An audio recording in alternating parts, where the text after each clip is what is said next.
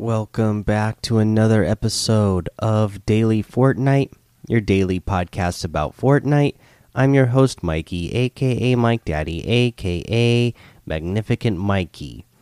So, I don't know if you saw the Unreal Engine 5 that was, uh, you know, they did some demos for today, but it is absolutely amazing. So, uh, not a whole lot of news today but some real some real cool news. So let's go ahead and read this post that is the Fortnite is headed to next gen consoles by the Fortnite team. Today we're excited to confirm that Fortnite will be headed to the next generation consoles at launch. This is the same Fortnite you know and love, ready to take full advantage of the newest consoles. We'll be sharing more specific details in the coming months as we get closer to launch. Before then, here are some answers to a few questions you might have. Of course, they were anticipating, uh, you know, that there would be a, a few questions about, uh, you know, Fortnite heading into the new uh, generation of consoles and what that is going to mean. So, is this an all new Fortnite? No. This is not a new version of Fortnite. It's Fortnite optimized to take advantage of the new hardware and features on next gen consoles. Okay, so obviously, guys, what what they're talking about there is going to be the, uh, you know, the next Xbox and the PlayStation Five. So, how will Fortnite take advantage of next gen console hardware? While we can't share specifics at the moment, more powerful hardware will allow us to improve performance and visuals. At launch, the version of Fortnite we release in on next gen consoles be, will be built with Unreal Engine 4. We will migrate Fortnite to Unreal Engine 5 in mid 2021. Learn more about Unreal Engine 5, and they have a link for you to go uh, find out more. But again, if you didn't see the demo for the Unreal Engine 5, uh, go look it up. It looks absolutely amazing what they can do in that engine. And I'm really excited to see Fortnite in Unreal Engine 5. You know, sounds like about a year from now. Uh, let's see here. Uh, does my Fortnite account progression and items I've purchased carry over? We plan to support cross progression across console generations and platforms so that your account progression and items carry over. So that's good to know because obviously a lot of people have spent a lot of money uh, you know on their accounts buying outfits and items and things. So that's good to know that uh, you know if you get the next console, that you're just not going to lose all the stuff that you've bought in the past. You're going to be able to carry that over. Uh, so will Fortnite support crossplay on next gen consoles? We intend to support crossplay across all platforms, including current and next generation consoles. That's another great thing too. So you know, your net, your you know maybe your friend uh, upgrades to the next Xbox or PlayStation, uh, but you don't get it right away. You're still on the old Xbox or PlayStation. You're still going to play with that friend. And same thing. Maybe you get the new Xbox or PlayStation before your before your friends do, uh, but they're still going to be able to play with you, and you're still going to be play be able to play with them. I think that's a great thing. Uh, for me, growing up, uh, you know, I didn't always get the co new consoles right when they came out. I usually got them like a year later when they had went on sale. It would be like a, a present that my parents would give to me, uh, but it wouldn't be. You know, it would be like that would be like my big birthday or Christmas present that year. Uh, but I always got them like a year later when they were a little bit cheaper. Uh, so, and even now to this day, like I don't always get the most current console like the day it comes out. Sometimes I kind of wait. It's I mean, especially. Um, I like to hear what kind of bugs and problems the first uh, run of things have, and uh, I'd like to make sure that those things get uh, worked out before uh, they uh, you know, before I spend my money on it. I was uh, one of the unfortunate people back on the Xbox 360, where my Xbox uh, 360 uh, had the red uh, ring of death, and I got it like three times, and so you know, I spent a whole bunch of my money. And I believe that was like the first console I ever bought with my own money. Uh, and of course, it was the console that uh, just had so many problems, especially for, through that first run of consoles, that it definitely turned me off to like, yeah, you know what? Maybe my parents were right. Maybe I don't have to get these things the day they come out because there can always be tons of problems. Um, but uh, I, am glad they'll be able to have uh, generation console uh, crossplay. I think that's good. So, will Fortnite continue to support current game platforms? Yes, we plan to continue support for existing platforms in tandem with our support for next generation consoles.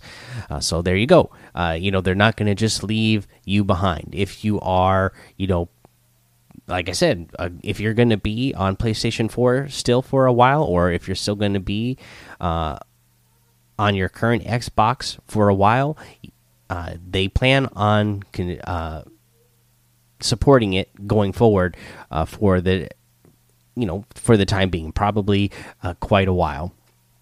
So it's not something that you're going to have to worry about uh, getting left in the dust right away so I think that's all good news. Uh, but that's the only real news I have for you today. Uh, but uh, just really cool stuff uh, for us console players. So let's go ahead, uh, take a break here because again, still no new challenges or anything. So we'll take the break. We'll come back. We'll go over the item shop and our tip of the day. All right, let's go ahead and take a look at this item shop today. We still have the lava Legends pack in here. We have the Oro outfit in here that comes with the Radiant Mantle back bling for 2,000 V bucks. I really like this guy. I think he looks really cool. Looks pretty epic. Uh, also, the Skellen glider for 1,500 V bucks. Pretty cool gold dragon. Uh, we have the Infinity outfit with the Starfield back bling for 1,500, the Star Strike harvesting tool for 800, the Eternal Zero wrap for 500. Uh, one of my favorites in here today, the Triggerfish outfit with the Coral Commandos back bling for 1,200. Just a great looking uh, version of uh, Fish Stick where he's all you know commando, and you gotta love that the the Coral Commandos back bling sings whenever you get an elimination. The Bubble Flage wrap is in here for 500. Uh, we have the Maki Master outfit for 1,200. That comes with the Shrimpy back bling. We have the Laugh It Up emote for 500. The Hand Signals emote for 500.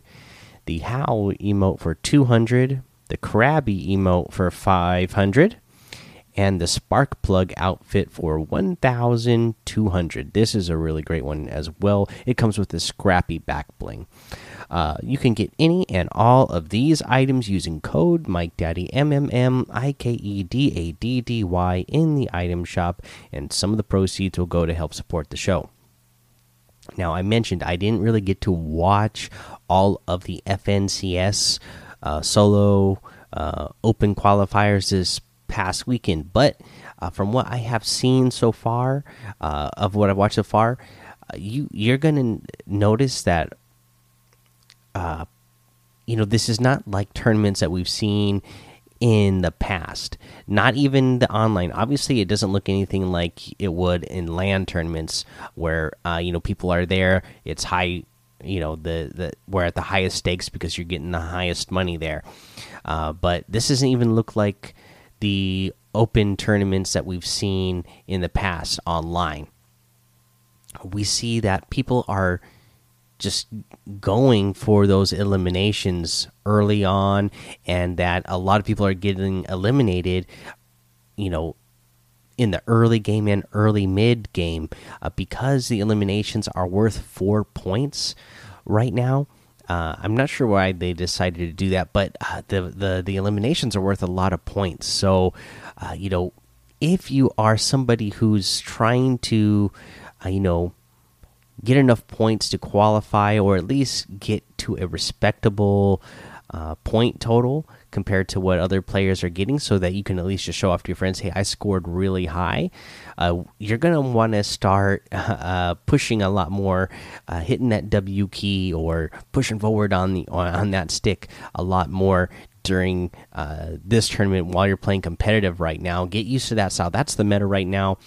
Uh, so uh, stick to that you know, I've seen a lot of players talking about it online, the current scoring format, and a lot of players, a lot of pro players, uh, you know, aren't too excited about it. Uh, we still haven't gotten that perfect balance. I have seen a lot of people talk about how DreamHack was a good scoring. It was really good, uh, not perfect. I think we just made to we just need to make that one small adjustment for uh, the eliminations. Uh, I know there's been talks of the eliminations being bumped down to two points, and that's what it's going to be, or the, because that's what it already is for cash cups. Uh, but uh, in the FNCS, uh, you know they're worth four points right now. So you're going to see the, the the meta in in competitive right now be to push. So um, you're going to have to adapt to that style yourself. If you're like me and you're somebody who's uh, sat back more, uh, then uh, uh we are going to have to start uh, adjusting and uh, pushing more because you you, you want to get those points because if you, when you start adding those up, it, it's a lot to add on to the placement points in the end. All right, uh, that's the episode, guys. Go join the Daily Fortnite Discord and hang out with us. Follow me over on Twitch, Twitter, and YouTube. It's Mike Daddy on all of those. Head over to Apple Podcasts, leave a five star rating and a written review for a shout out on the show. Make sure you subscribe so you don't miss an episode. And until next time, have fun, be safe, and don't get lost in the storm.